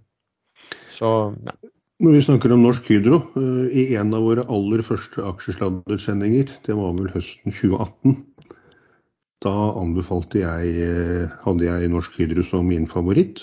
Uh, Skal vi se Da 2018 På slutten av året. Jo, da den falt og falt. Så det var hmm, 30-tallet lå den på da. Men det ramla ned til eh, Var det 20 Når er det vi startet aksjeladere? 2019? For 2019, ja, det passer bedre. Da lå den på Jeg mener den lå på 20-tallet. Jeg hadde den som min favoritt. I august, eh, slutten av august 2019 lå den på 28,84 sluttkurs. Ja. Og så falt den sikkert videre under finanskrisen. da, Den er på litt uh, lavere. Mener at det var en Jo, på var på 22 i mars 2020. Ja. Men det var jo ingen som kunne forutse covid og finanskrise. Øh, Eller ikke finanskrise, men øh, krakk på børsmarkedet i mars 2020 pga. covid. Da må man jo være øh, Nostradamus for å forutse sånne ting. Men har, vi, har vi fått et nytt segment nå? eh, At eh, vi drar fram eh, ukens aksje for fire år siden og, og fordi at nå er den høyere, liksom? Kan bli et langt Ja. segment, det der. Det syns jeg absolutt. Det var tross alt eh, snakk om ukens aksje, ikke liksom uh, aksjen på fem års sikt. Ja. Ja, holdt du lenge på den aksjen, Erlend? en, Nei. Ca. en uke, tipper jeg. Jeg solgte sikkert med tap også. så- Ja. 28 28 til 27,50, og det var gitt, liksom. Men eh, heter ikke han Jallakongen egentlig fra vi begynte? Og så trekker han fram Norsk Hydro. Altså, han sine. Hæ? Han prøver En eller annen grunn så har han begynt å forfine seg litt. Altså, og så kommer liksom med Ørsted som, som julekule, og, og, og Ørsted og Norsk snakker om, Hydro. at han snakka om Norsk Hydro en gang på- i 1918, eller når det var. 1918. Ja, nei, men, Ja, det var vel eh, da de starta? eh, Som jeg startet med, I'm back. Nå er det slutt på alt. Nå er det kun Jalla vakuum som gjelder. Det er der penga ligger. Eh, SAS kommer til å stikke før eller siden, men det kan ta litt tid. Frontline stakk plutselig etter at eh, de avbrøt en eh, deal som de hadde inngått med Euronav, eller en foreslått deal om eh, sammenslåing. Fulgte du med på hva, hva som skjedde der, Sven? Jeg fikk med meg at uh, Frontline terminerte avtalen, uh, og aksjen steg uh, kraftig. Og så falt Euronav tilbake. Og så noen dager senere så kommer Euronav og sier at det er ugyldig. Det er ikke lov å terminere avtalen på den måten. da, Og da eh, ser det ut som det blir en prosess i en rettssal med en arbitrasje, en voldgift eller whatever. Tipper det blir en settlement eh, en eller annen gang ned i veien. Men det er jo på sin plass å påpeke at Euronav, en av de største aksjonærene, kjempet hardt imot den fusjonen. For så å klage når den går i vasken. Jeg vet ikke om de har klaga, eh, altså den største aksjonæren, men det var riktig at som, de får vel å kjøptes opp. Der, heter det Savery-familien, eller hva den heter? Savery? Jeg er litt usikker. Eh, men de kjøpte seg vel opp for å prøve å stanse det her, da. Men eh, så stakk jo da når Den gikk faktisk opp fra 113 til 137 den dagen eh, Frontline hvor de meldte at de ville avstå fra det. Som jo egentlig er litt sånn rart, for ofte når et selskap skal, skal overta, vil overta et annet, så er det fordi at de mener at det skal være innvandrende eh, for aksjonærene. Eh, men sånn har tydeligvis ikke markedet tenkt det her. For, for Frontline de, de steg jo da kraftig, og det, eh, Euronav falt vel en del, hvis jeg er riktig informert på, på børsen også. De vel noterte det i USA, de noterte eller noe i, i, i Europa, det er jeg litt usikker på. De er notert begge plasser, faktisk. Men det var, ingen, var det noen nok som har, er det noen nok som har vært noe inne altså i, i vanlig oljetank, råoljetank? For det har jo vært liksom veldig, veldig anbefalt nå en periode. Nei, jeg var ikke med på den grønne bølgen i 2020. Jeg var ikke med på olje og gass og offshore og oljeservice nå. Nei. Det er liksom når alle, alle skal inn samme sted, da blir fortfallet øyden ganske stor. Ja, bortsett fra at det er klart, hvis du er med fra en eh, tidlig fase og sånn, så er det jo, var det jo. Altså, vi, vi har jo snakka mye om det, husker du? at Vi snakka om hvor upopulært stål var? Og hvor bra det var å eie det andre ting. Eh, Det siste året har det jo vært, i 2022 har det jo vært helt gull å eie de som har stål på vannet, eh, kontra, kontra alt annet. Jeg er imponert over de som ser sånne trender tidlig og går inn tidlig. Jeg er ikke fullt så imponert over de som hev seg igjen nå før det begynte å snu ned igjen. Nei, nå er det jo en del av disse eh, shipping-sementene som er, ja, sant, de, har, de har steget ganske mye. Det, det som er litt interessant på, uh, på shipping, som dere sier, er jo at normalt så har du jo denne her med at når ratene begynner å gå oppover, så eh, har jo disse eh, shippingselskapene vært eksperter på å bestille så mye uh, skip at, uh, at de da har havarert sitt eget marked. Og dette har liksom gjentatt seg med, med sykler i de ulike områdene. Nå, nå er det vel ikke så, bortsett fra den LN, LPG som kommer i år, vel, og LNG, det, men ellers er det ikke sånn veldig mye bestilling. Og, og det er vel litt sånn at eh, det er vel en del andre ting som, eh, som eh, verftene bygger, bl.a. Altså skip knytta til, til vindutbygging til, til eh, havs. Eh, og så er det jo også, som jeg hørte Tidewater snakket om også, at en ting er om man skulle bestilt eh, skip nå, som de mente ville vært altfor dyrt, men de mener jo også at det er en teknologisk uh, risiko knytta til drivstoff, altså nye re reguleringer og alt der. Og da er det sånn, også hvorfor skal du bestille. Så det kan være at du får kanskje litt lengre syklus og litt mer forsiktige redere eh, i en del segmenter denne gangen, som, som, gjør at den inntjeningen blir ja, blir bedre og, og lengre enn hva man tror. da. Men altså, spørsmålet om man skal satse på at eh, det, eller at historien gjentar seg, at de ender opp med å, med bygge seg i hjel. Svenne, du, har du noe særlig shipping, eller? La meg sjekke. Skal vi se Shipping hva er Hvilke av disse er shipping? ja, nei, jeg har kun sånn supply shipping. Jo, ja. Wilson. Jeg har kjøpt Wilson. Jeg har 2000 aksjer i Wilson. Du, hva kjøpte du de på? 68. Husker du når vi var vi, Nei, det husker jeg ikke. De nekta å kjøpe aksjene våre til 22 kroner, for de mente det var altfor dyrt. Det var, og... 1060 bøy de. 1060, Vi ville ha 22, ja. for det var bokført verdi. Ja. Vi fikk to i 1060, og nå er den på 68. Ja, ja. Så, så, så dere tapte den saken? Eh, ja. Eller det var ikke oss, da, egentlig. Det var Nordic Financials Eller egentlig Aega som tapte den saken. Ja, det, var med, det var vel bare vi som hadde rota det inn i opplegget. det er fair å si. Men det var jo vi som hadde fucka det opp. Ja, så dere var litt sånn som disse to Muppet Show sitter oppå oppe i balkongen der og bare klager? Ja, det, var, det, var, jo sånn den gangen at vi kunne forlange oss eh, innløst eh, av de aksjene. Og så mente vi at eh, og, og, da mente jo vi at siden selskapet i Altså de opererte jo med Nav, de opererte jo med bokførte verdier, de opererte med, ikke sant, og, og hadde årsregnskap av det. Da mente vi at å fint, når vi kan forlange oss tvangsinnløst, så vil vi ha virkelig verdi, og det var 22 kroner. Mens retten fant vel ut, at virkelig verdi var, var børskurs den gangen. Jeg, jeg, tror retten var kjøpt og betalt. Ja. Det var jo på hjemmebane i Haugesund, dette her. Vi var jo dømt til å, å tape. Hvorfor rante dere ikke til Høyesterett? Ja, nei, det var ikke vår eh, business å gjøre det. Vi var kun eh, vitner, egentlig. Ja. Du var vel, jeg tror du var en litt sånn veldig at de, Disse på, på hjemmebane der til motparten og vel, du, ikke, du, ble vel ikke sånn kjempepopulær når du fortalte om at det, du var en kynisk eh, aksjespekulant som ville ha mest mulig penger for det her? Nei, De spurte liksom om, eh, om jeg var, var, en aksjespekulant som ville ha mest mulig penger for aksjene. Så sa jeg jo ja. Og det stemmer jo. Alle vil jo egentlig det. Hvem klarte du var en kynisk aksjespekulant?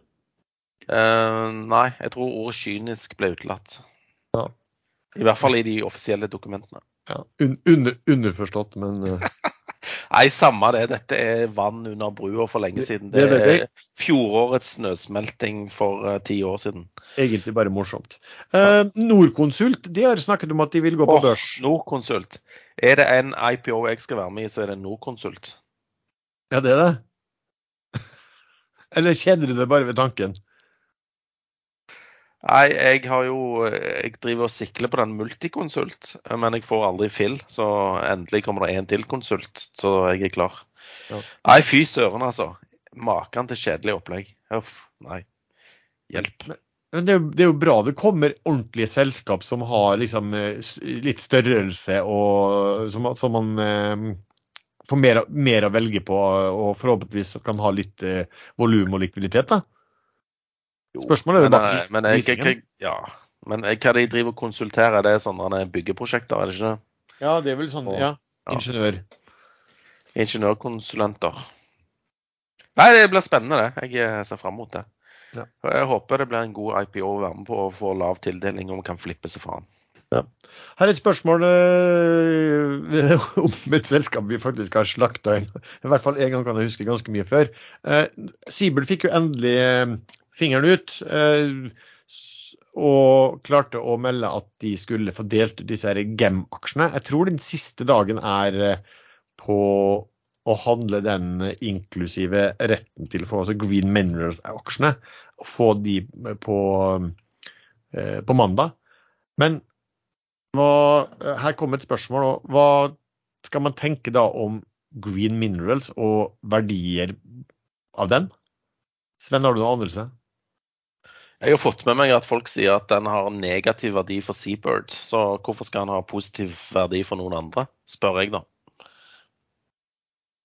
Den ligger jo nå ja, den ligger på sju kroner, og så gjorde vel en emisjon for ikke så veldig lenge siden på også. Jeg, jeg, jeg, er bare, jeg, er bare, slem, men jeg ser at inntektene ligger langt fram, og det er muligens de har noe kompetanse på området. Og, men Nei, det, det, akkurat i dagens børsklima så er vel eh, Jeg skal ikke si de er underfinansiert, men de trenger nok finansiering litt lenger fram i, i løypa. Og for meg så er ikke det den rette aksjen nå. Så jeg vil tro at de som får utdelt disse aksjene, eh, er de normale i hodet, så tar de og pælmer de ut så fort de klarer. Ok, så jeg, Siden jeg eier en god del eh, Seabird, så, så liksom, må, må jeg sjekke om jeg er normal i hodet mitt, i hvert fall. Men jeg vet jo at du ikke er det, så det Nei. kan jo være at du tviholder på dette grønne gullet ditt. Ja. Nei, jeg, husker jo når jeg kom på børs og, og, og ble gjort noen emisjoner på det. Altså, vi skjønte ingenting av verdien i det hele tatt. Vi mente vel egentlig at det var et uh, dokument. Uh, så har de vel ja, gjort noe sånn partneravtaler, men det, men det, er jo langt frem dette her ennå. Så jeg tror at det er, det er ikke så mye utgifter akkurat nå, men skal det begynne å komme noe og finansiere seg, så må du jo ha Da må du ha noe annet enn retail som kommer med de pengene. Så, så, blir det blir jo interessant å se, men det blir jo ikke akkurat den eh, mest likvide aksjen på, eh, på Oslo Børs.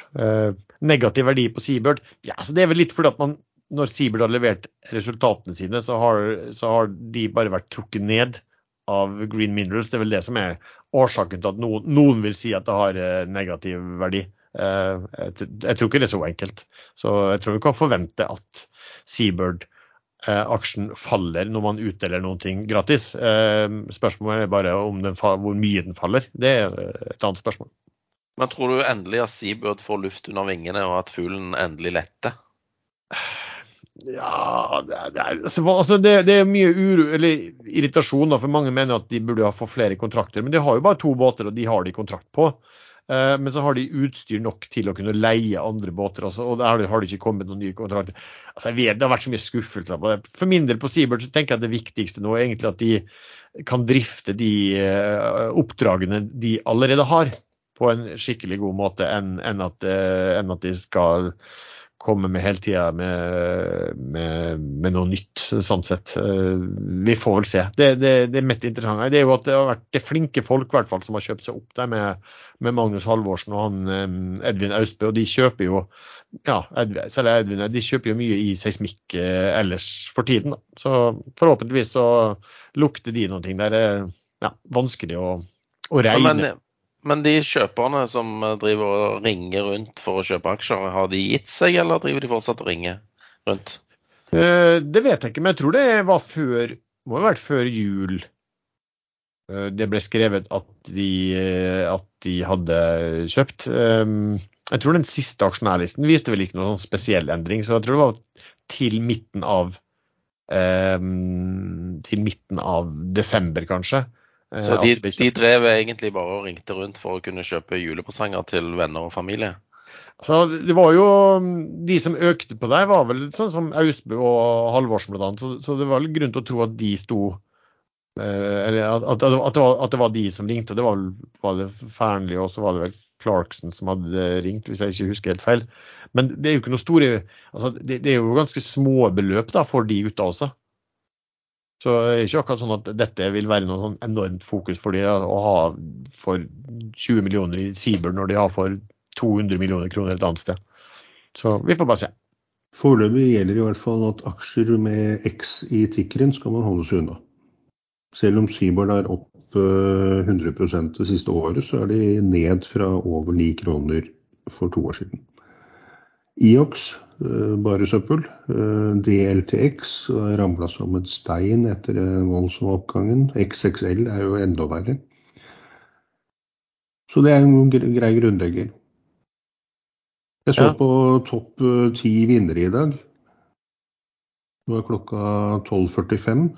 Topp ti vinnere er omsatt for totalt, for alle fem, 1,3 millioner kroner. Og dagens vinner er faktisk eh, NBX, da, med X i tiggeren.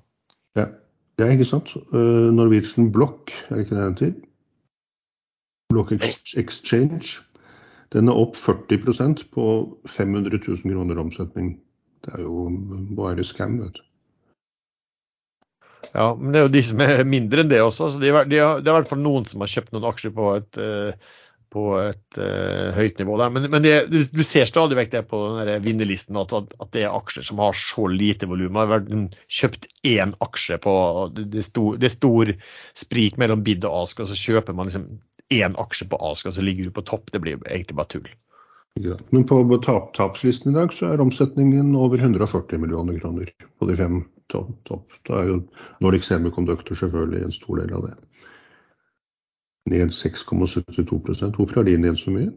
Uh, UBS nedgraderte de, vet jeg, til salg og 130 kroner. Og så var det vel slik at uh, er det Logitech som er en ganske stor kunde eh, av uh, Nordic Semiconductor. De kom vel med en eh, profit warning for ikke så mange dager siden, par dager siden, og da guidet på lavere inntekter enn forventet. Da.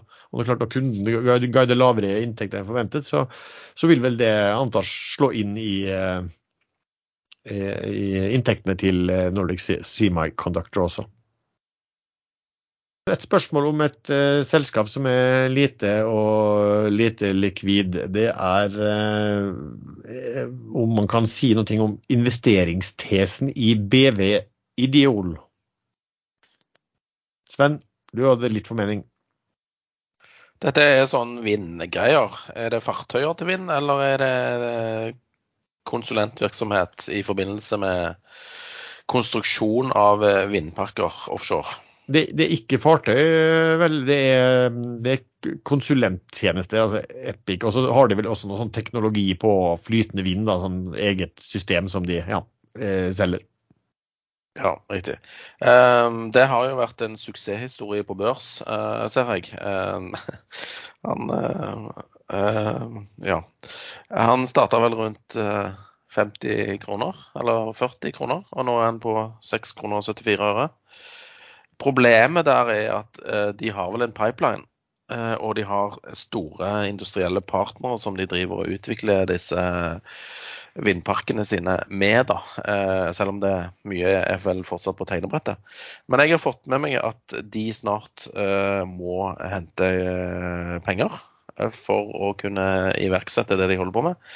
Og de har jo BV-gruppen som største eier, eh, så jeg tror nok det ordner seg helt fint. Men aksjen har sklidd og sklidd. Jeg har med flere anledninger prøvd å trade den, men eh, ja, du, du får egentlig bare mer og mer aksjer i fanget, da. Så jeg er litt sånn usikker. Men jeg, kanskje etter en emisjon eh, at det er et bra case. Ja, altså denne Prisen nå til 212 millioner. Hvis jeg husker, husker, ikke husker helt feil, så er mm, bokført egenkapital nesten fem ganger høyere. eller noe sånt. Og, men der er det jo aktivert en del, og du har noe goodwill på noe oppkjøp og alt det der, og du har noen aktiveringer av teknologi. Og hvis du renser bort alt det der, da, um, da ville du hatt eh, et par hundre mil i, i i, i, i en sånn ren bok. Altså, Jeg eier noen aksjer som jeg kjøpte på sju, ja, midt 7,5, tenker jeg. Litt på det, på det samme også. at det, altså, Isolert så, synes jeg den ser faktisk eh, billig ut. Og de virker jo som de har altså Det er jo en av de som faktisk har avtaler og har inntekter. Men de skal jo inn og investere. altså De, de, skal, være, de skal ikke være konsulenter og bare selge. De, de bruker det de har egentlig til å ta posisjoner i disse her utbyggingsprosjektene. Så Derfor trenger de penger da, til, å, til, å, til, til pipeline framover. Og så har det ikke vært noe populært med, med vindkraft, og i hvert fall ikke selskap som for en del måneder siden forteller at vi skal hente penger i løpet av første halvår 2023. Nå kan det godt være at de har en del interessante partnere, at at at de får gjort en type industriell eh, emisjon. Da. Men igjen, når man vet at noen skal hente penger, så er det, det er mye andre å, å, å, velge på, og på den måten eh, holde seg unna. Men eh, eh, som sagt, det, det, Man skulle nesten ønske et sånt selskap heller var en ren eh, leverandør av løsningene, istedenfor å ta eh, eierposisjonen i selve prosjektet. Men det er kanskje det som må til for å, ja, for å få bli med. Det. Så eh, når det kommer en, eh, en eh, emisjon der, så kommer jeg til å følge nøye med på vilkårene der, helt klart. Kahoot har vi også fått spørsmål om, for den, der har vel det kommet både profit warning og det er noe salg og kursen faller. Hva tenker du om den, Sven? Jeg, jeg begynner snart å, å synes litt synd på han der Eilert Hanoa, som er sjefen i, i Kahoot. For maken til berg- og dalbane og stup nå på slutten, det skal vel man lete lenge etter. Men eh, det blir vel i case at veksten som forsvant, liksom. Så jeg vet da søren jeg, de var høyt prisa, eh, og folk hadde ekstreme papirverdier. Nå har de fordufta som dugg, dug for sol, solen. Jeg kan for lite om selve selskapet, men eh, ja, kanskje det ikke er så populært med disse Kahootene lenger. Ikke vet jeg. Men det, det virker ikke som de eh, har eh, klart å nå de vekstmålene som de, de, satte for seg. Og jeg tror ikke det er så veldig, eh, veldig sånn eh, eh avhengig av sykluser altså i økonomien og sånne ting heller. Så jeg bare vet ikke om populariteten rett og slett har eh, blitt litt mindre. Ja, jeg tror de henviste til makro også. Altså liksom det, ja. utvikling på det. Ja, jo, faktisk det, det er ja, litt sånn litt overraskende også, men det kan være muligens altså, i forhold til skole og sånn at, no, det, at, at, det er noe annerledes nå når det ikke er så mye type hjemmeskole. Jeg sitter og ser på Charter forresten, når de kom på børs i ser ut som det kom på børs i 2018 en gang, så lå den vel eh, kursen da rundt tre kroner. altså Steg den ganske raskt opp til eh, ja, rundt, en, eh, rundt dagens nivå i oktober 2019. Så bare storma den opp helt videre til i starten på 2021. Da var den i 127 kroner og, 20 øre. Jeg kan huske akkurat det tidspunktet, for det var da Erlend sa at han skulle ville kjøpe det en gang som uh, ukens ja. favoritt. Jeg markerte spiret der. Ja, du gjorde faktisk det. og så, har han bare stupt nedover nå. Nå er han jo på, på, på 15,30, da, som uh, ja, tilbake igjen der den var etter, etter ganske kort tids børs. Uh, så da er vi inne på skomaker blir ved den lest. Jeg må ikke rote meg inn i sånne aksjer. Nei, nei, men en ting er, man kan jo ta sånn også, bare, bare, man, bare man har disiplin til å hive det ut. Ja. Det, ja. Uh, men jeg registrerer jo at vet du hva, jeg, jeg tenker litt sånn som du, Sven, på, på han Eilertsen òg. Du er litt, litt, synd, for han har vel kjøpt en del aksjer og jeg vet ikke hva han har som kostpris nå. Han har jo ganske mye, han har vel flere hundre millioner i lån på på den posten sin også, som er, som er, ganske stor. Og så har jeg ikke noe sans for at Jeg registrerer at sånn avis, altså de som jobber i aviser, syns det er veldig hyggelig å gjentatte ganger rakke ned på han. Og det er tydeligvis sånn at folkesinnet syns det er veldig hyggelig å klikke på den type artikler for å få lest eh, litt sånn ondsinna angrep og, og nesten godting av hvor, hvor, ille dette er for privatøkonomien. Altså Ærlig talt. jeg synes jeg bare kan, Da får jeg nesten lyst til å bare si opp abonnementet når jeg ser det gjentatte ganger, egentlig. Eh, men det er ingen som er frista til å gå inn og kjøpe Kahoot, da? Sven? Nei. Erlend? Nei, nei, nei. Ikke noe jeg skal røre nå. Mm. Men det, det, kommer jo en eller annen bounce en eller annen gang. Så. Ja, jeg, er litt, jeg, er faktisk litt frista uh, nå. Uh, ser de falt liksom de dagene før, etter de tallene kom, så falt de jo 18% på én dag. Og så falt de 6 eh, dagen etterpå det, og så fant de 2 i går, og i dag er de bitte lite grann opp. Og hele tida liksom, eh, har volumet falt. Så jeg tenker at her er det en del som har pælma ut, og kanskje stabiliseres den nå for en rekyl. Ja, det blir nesten sånn dag tre, dag fire. Hva er selskapet cappa til nå? De er cappa til 7,5 milliarder kroner. Så vi snakker fortsatt milliarder, ja? Ja, ja. Det gjør han. Ja. Nei, jeg kan for lite om det. Jeg vet ikke, jeg vet ikke hva, hva Kjenner de penger? Uh, nei, men jeg tror vel at de hadde begynt å ha positiv cashflow på en del ting også. Okay. Så jeg har ikke sett det. Men altså, klart, det er jo noen multipler. Da. Hvilke multipler skal du akseptere og hvis de ikke viser nevneverdig vekst lenger? ikke sant? Da, det, det er jo det vi vet. Sånne selskap som vokser kraftig og får høye vekstmultipler, og så plutselig er ikke veksten likevel. Da blir de jo straffa knallhardt. da. Ja, men det, Jeg minner meg litt om det der Pexip. Litt sånn samme opplegget. At det bare begynner å skli, og så bare sklir det. Det er endeløst, liksom. Men det kommer alltid en rekyl, eh, og det, de er kule å være med på. Men jeg vet ikke hva tid de kommer.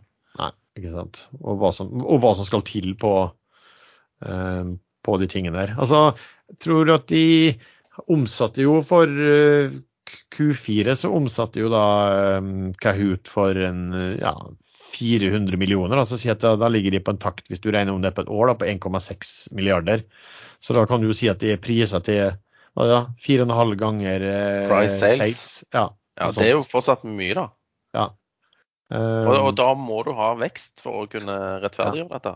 Ja. Operating cashflow var faktisk 17 millioner eh, i Q4.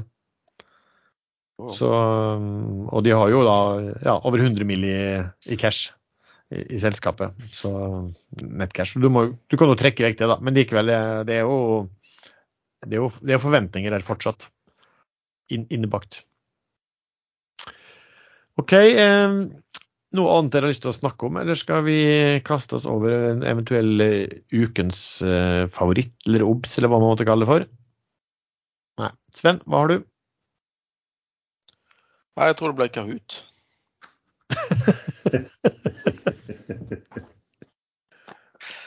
Kahoot på 15,5. Jeg tror jeg kan bli en bra rekyl. Jeg tuller ikke heller. Jeg fikk tenkt meg om nå at det, det, det, kanskje, ja, det kanskje bare faller og faller. Så eh, på, et, på én ukes sikt, og det er jo det som er problemet her. Jeg har fått litt klager på at jeg eh, helst av og til vil unngå å komme med noe som jeg tror kan stige. Nå stiger jo faen hva Nå må du slutte, Allen. Hva er det nå, da? Det er du som driver og kjøper den opp her nå. Jeg gikk fra 1540 til 1562. Det var ikke meg. Helvete, nå stikker han. Det må være Lars sin eh, innlagte programmering på å kjøpe det vi snakker om. Ja, Lars ble veldig stille, ja. ja, chat, chat GPT-softwaren min som sto inn nå. Ja. Nei, eh, jeg kunne òg sagt denne Biofish, men der kommer det nye aksjer, så der tror jeg du må vente to uker.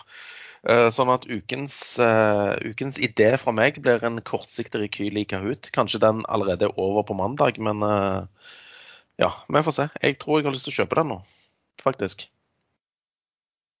Men jeg skulle jeg kjøpte den for 20, 20 øre siden. Nå, nå, dette irriterer meg litt nå. Men uh, dette, er, dette er sånn at veien blir til mens man går, typ. Har du noen flere?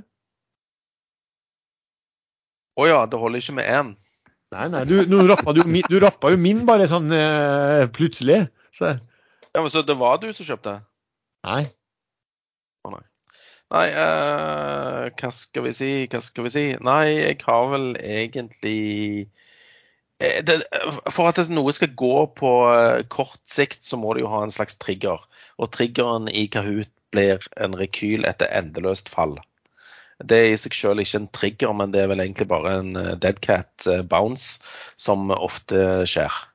Så Nei, jeg har ingen andre som jeg vet kan stige mye på kort tid i neste uke. Mm. Men noen spesielle du følger med på, da? Som, ja. som du vil fortelle om? Nei. altså, skal folk Brent barn uh, lukter ille. Ja. Nei, uh, jeg følger jo med på en del ting da. Uh, men det er ikke noe som jeg hopper rett på, liksom. Rigg har jo vært ekstremt uh, sterkt i USA siste tiden. Og så har du litt sånn norske riggaksjer som har ligget i sideslengs og stabilt sideleie. Type null og egentlig òg Sidrill har vel vært litt svakere enn disse amerikanske. Og ikke minst den der deep value driller som bare ligger inni Ølensvåg der, og der skjer jo ingenting. Men plutselig får de en kontrakt. Hva skjer da? Jo, kursen går sikkert opp 50 ja, men tror du, tror du, de får de kontrakt? Altså på, på, de har vel ikke noen driftsorganisasjon? Det må jo, jo være noen... Har ikke de leid inn uh, Dolphin Drilling, da? Ja, det har jo vært snakk om det at eh, eventuelt at Dolphin Drilling kan by ut De kjenner, jo den, de kjenner jo den båten. Det er jo en gammel eh, Dolphin-rigg-båt. Ja, ja. Så jeg, kommer det en kontrakt der, så er nok dette allerede ordna på bakrommet, tipper jeg. Ja, hvis det ikke kommer en kontrakt, og, ja, og at man, man gjør et kjøp samtidig, da. Det, det Ja, litt, det og det kan vel òg tenkes at Dolphin eh, kanskje kan kjøpe dette her eh, med betaling i aksjer.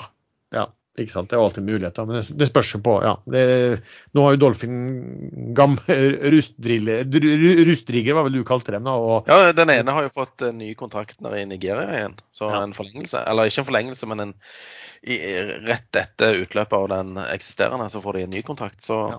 de har i hvert fall én rustrigg på, Ja på kontrakt. men den, den der eh, deep value, det er vel en, det er vel en ny rigg, så jeg spørs om de har, har, kanskje har lyst til å ja, få lagt sin rigg inn sammen med de andre Type. Du vet hvordan det her blir. Nei, de vil sikkert vente til de har fått leid ut de to andre holkene. I så fall. Ja. Nei, men jeg, Kahoot. Jeg tar Kahoot. Jeg kjøper litt aksjer eh, når jeg legger på her nå. Ja. Hva har du, Erlend? Nei, denne uka her går det nok mest i US uh, mem, mem hva, hva heter det for noe? Mem, mem? Aksjer? Meme. Meme. Meme-aksjer. Meme. Er eh, den ene etter den andre drar på i USA nå. Det kommer i perioder, og da må man eh, følge med litt. Men en som har gått veldig bra, så det er jo Jeg har jo sagt lenge at jeg før eller siden skal inn i romfartsaksjer. Og Space har gått opp fra rundt 3,50 til nå 5,44 eh, på to dager. På et par dager. Det er kanskje litt mer. Men uansett, den dro skikkelig til i går. Eh, hvorfor vet jeg egentlig ikke. Jeg har ikke satt meg ordentlig inn i det, så jeg må få gjort det. Eh, ellers så er det um, denne Bed Bath and Beyond. eh, den skal jeg fortsatt følge med på. Det er ingenting som tilsier at den skal stoppe her, selv om den har gått eh, 300-400% fra bunn. Eh, men den er eh, livsfarlig. Så da må man ikke bruke mer penger enn man har råd til å tape 100 fordi kan, øh, den aksjen kan stoppes plutselig midt på dagen. Ellers er jo Calera interessant hvis de får solgt øh, dette tyske selskapet sitt, og det andre selskapet de også har kjøpt inn, som lager sånne såkorn. Men så er jo spørsmålet klarer de det. Skal vi se. Jeg har tatt en liten post. Jeg tok en liten post i går på 7 dollar. Men den er jo helt død eh, før det skjer noe, før det kommer nyheter. Okay, noe Og så skal jeg fortsatt følge med på Doff. Den er sånn som plutselig skjer et eller annet som gjør at den stikker. Eh, For min del, ja, jeg kan jo nevne eh, Valaris, som jeg nå har holdt på i riggselskap, som har vært min favoritt i halvannet år. Den vippa over 70 dollar i går. Så det ser veldig bra ut. Eh, Det vi kalte for populært for og, vi eh, drev og kjøpte den rundt 21 dollar da Ja. vi begynte. Yes. Ja, det, jeg, jeg hadde en flashback på det i går, så, det, og så tenkte jeg faen. Når, eh, når når den kom ble reintrodusert på børsen, så solgte jo masse av disse her långiverne som hadde fått aksjer ut, og da lå de jo solgte ganske lenge på noen og 20. Det stemmer. Ja, og vi, jeg holdt vel ut, eh, ikke alle, men en del av aksjene mine til 32. Ja. Som var target, da. Ja. Og noen på over 70. Gni det inn, liksom. Ja, men jeg, jeg, Ja. eh, jeg, jeg Akkurat i den så føler jeg ikke at uh, jeg blir uh, surt når du tjener penger. Nei, for du tjente også penger. Ja, nei, det er bare fordi at uh, det, var, det var riktig tenkt, liksom. Og helt fantastisk bra utført. Ja. Du, satt, du fikk jo med deg en 40% du også, da. Så det var Ja, ikke, ja, ja, altså jeg tjente jo penger, jeg òg. Så hadde jeg tapt penger på en og du hadde tjent, så hadde jeg jo blitt sur. Ja, det er bra. En annen som har gått bra også, er jo det vi kalte for rørleggeren. Altså eh, VSS eh, AB, som jeg snakket om også, at den kanskje hadde fått seg en kortsiktig press eh, eh, i forhold til at eh, den skulle notert på en litt, sånn, litt mindre attraktiv liste i, eh, i USA. Eh, nei, i Sverige. Eh, og det har jo skjedd. Altså, den er jo faktisk opp over 40 siste, siste eh, måneden. Um, så den har vært eh, veldig bra. Og da er det jo også sånn at eh, Jeg sitter og ser på disse supply, og hva er det som ikke har, gått av det. og da, Som jeg nevnte, altså Standard Supply er jo en ordentlig legging eh, av disse andre som, som der CM Offshore har gått veldig bra, Solstad Offshore har gått veldig bra, VSS AB har gått veldig bra, Tidewater har gått veldig bra. Når når de gikk på, på sist, sist, en gang de gjorde en emisjon på 470, altså Standard Supply, så hadde de noen plansjer hvor de prøvde å sammenligne seg og mente at da var de ja, en hel del billigere enn disse da. Så da burde jo det være større Eh, større sprang eh, på det også.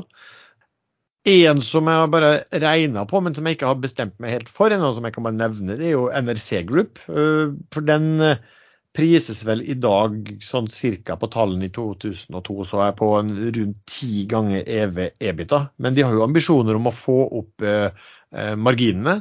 og, og klarer de det, altså klarer de å øke liksom EBITA-marginen fra ja, 2,4 som de har nå, som er, som er, veldig lite, opp til en eh, ja, si 4,5 Da begynner du å snakke om at de priser på EV EBITDA på 6 Eh, så, så, den kan alltid være interessant. Jeg er bare litt usikker på om det er den type aksjer man skal inn i nå. Det, jeg føler at det er veldig sånn, viktig å være i, i, i de riktige sektorene um, for tiden. Og Uh, oljeservice ser jo uh, fortsatt uh, bra ut. og Det, virker også, kanskje også litt sånn fondet i større grad begynner å ta posisjoner der også. At det er ikke så, det er ikke så ille å være i, i det også. Jeg ser forresten Solstad, som jeg nevnte akkurat nå, Solstad Offshore er opp, faktisk opp fire, nesten 4 bare i dag. Over 40 kroner.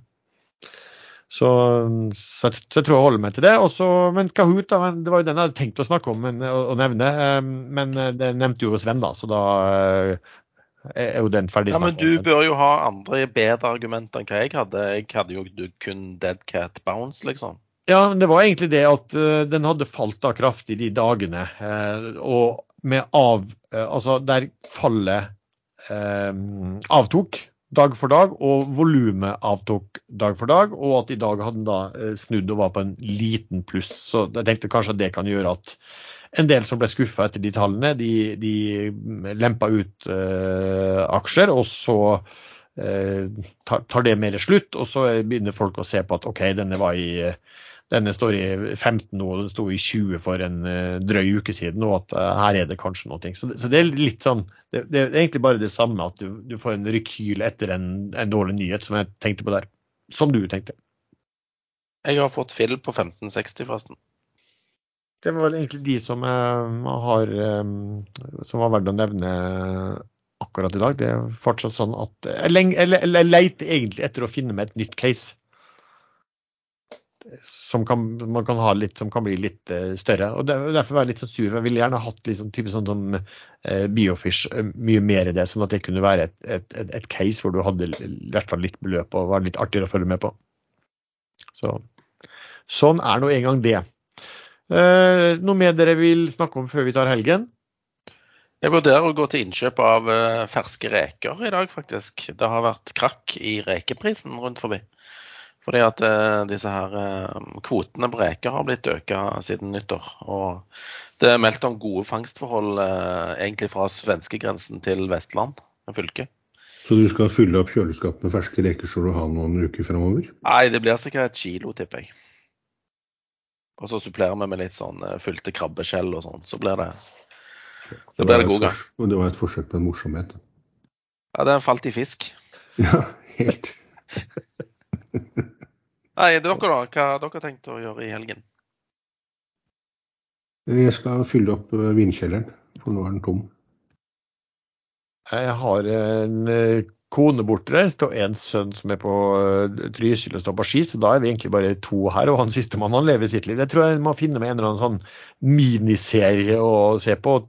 Trene litt og se på, ligge og se på miniserie. Og, ja. har, har, du sett den Madoff-serien på Netflix? Eh, ja, du vet, jeg begynte å se på den, men tror jeg så nesten første Jeg syns det ble litt kjedelig. Ok. Syns ble, litt, altså det ble litt for mye dokumentar eh, enn en dramatisering. Det er mulig at den, den tar seg opp. Det var litt for lite uh, lettkledde damer og actionsekvenser. Nei, men jeg har, sett, jeg, jeg har jo sett en god del sånne filmatiseringer av, av, av eh, sånne finansdrama før, som har vært kjempebra. Men jeg er litt usikker på om, om jeg syns hvor hvor liksom spennende det var. Jeg hadde egentlig gleda meg til å se den nå i helgen, jeg, men nå, da får jeg heller bare se på fotball som vanlig, da. OK, nei, men da mm, takker vi så mye til deg som har lyttet på denne episoden. Du treffer stadig oss tre chattene inne på mm, Ekstrainvestor sin, eh, sin chat. Eh, Vi har også en gruppe på Facebook som heter podkasten Aksjesladder. Musikken er som vanlig laget av sjazz.com, og vi høres. Ja, ja. Men eh, når du sier du skal fylle opp eh, vinkjelleren i løpet av helgen, eh, eh, kommer det ikke nye uttak i løpet av helgen, så egentlig den opp oppfyllelsen skjer i dag, mens eh, uttaket skjer eh, spredd utover resten av helgen? Eh, Nei, jeg fyller opp litt mer. Jeg må ha, må ha noen kasser av denne den vinen som jeg var dum nok til å nevne sikkert både her og i hvert fall i chatten, så plutselig var den utsolgt. Men eh, du får ikke tak i den 2012-årgangen lenger, gjør du det? Nei, 2012 er borte, men 2015, eh, 2014 var eh, mye, litt annerledes, mye skarpere, men 2015 er blitt bra. Hvilken vin var det? Nei, det vil jeg ikke si. Det er denne, Eh, den, fra, den fra Argentina. Den Weiner. Jeg syns ikke den 2014 var så bra. Nei, 2014 var ikke så bra, men 2015 har blitt bra. ja. 2015, ja. Er den kommet i salg nå? Ja, kanskje ikke på de små polene, men på de store så er det bare den de er. Ja. Ja. Nei, men Da er det på tide å legge på, da, for å løpe på polet og sjekke om du eh, Ja, jeg må i hvert fall handle inn før eh, denne episoden kommer ut til allmennheten. Ja, for etter det så tør du ikke å, tør du ikke å vise deg ute blant folk, er det du mener? Nei, sist jeg skulle da fylle opp vindkjelleren med 2012-utgaven, så var den utsolgt.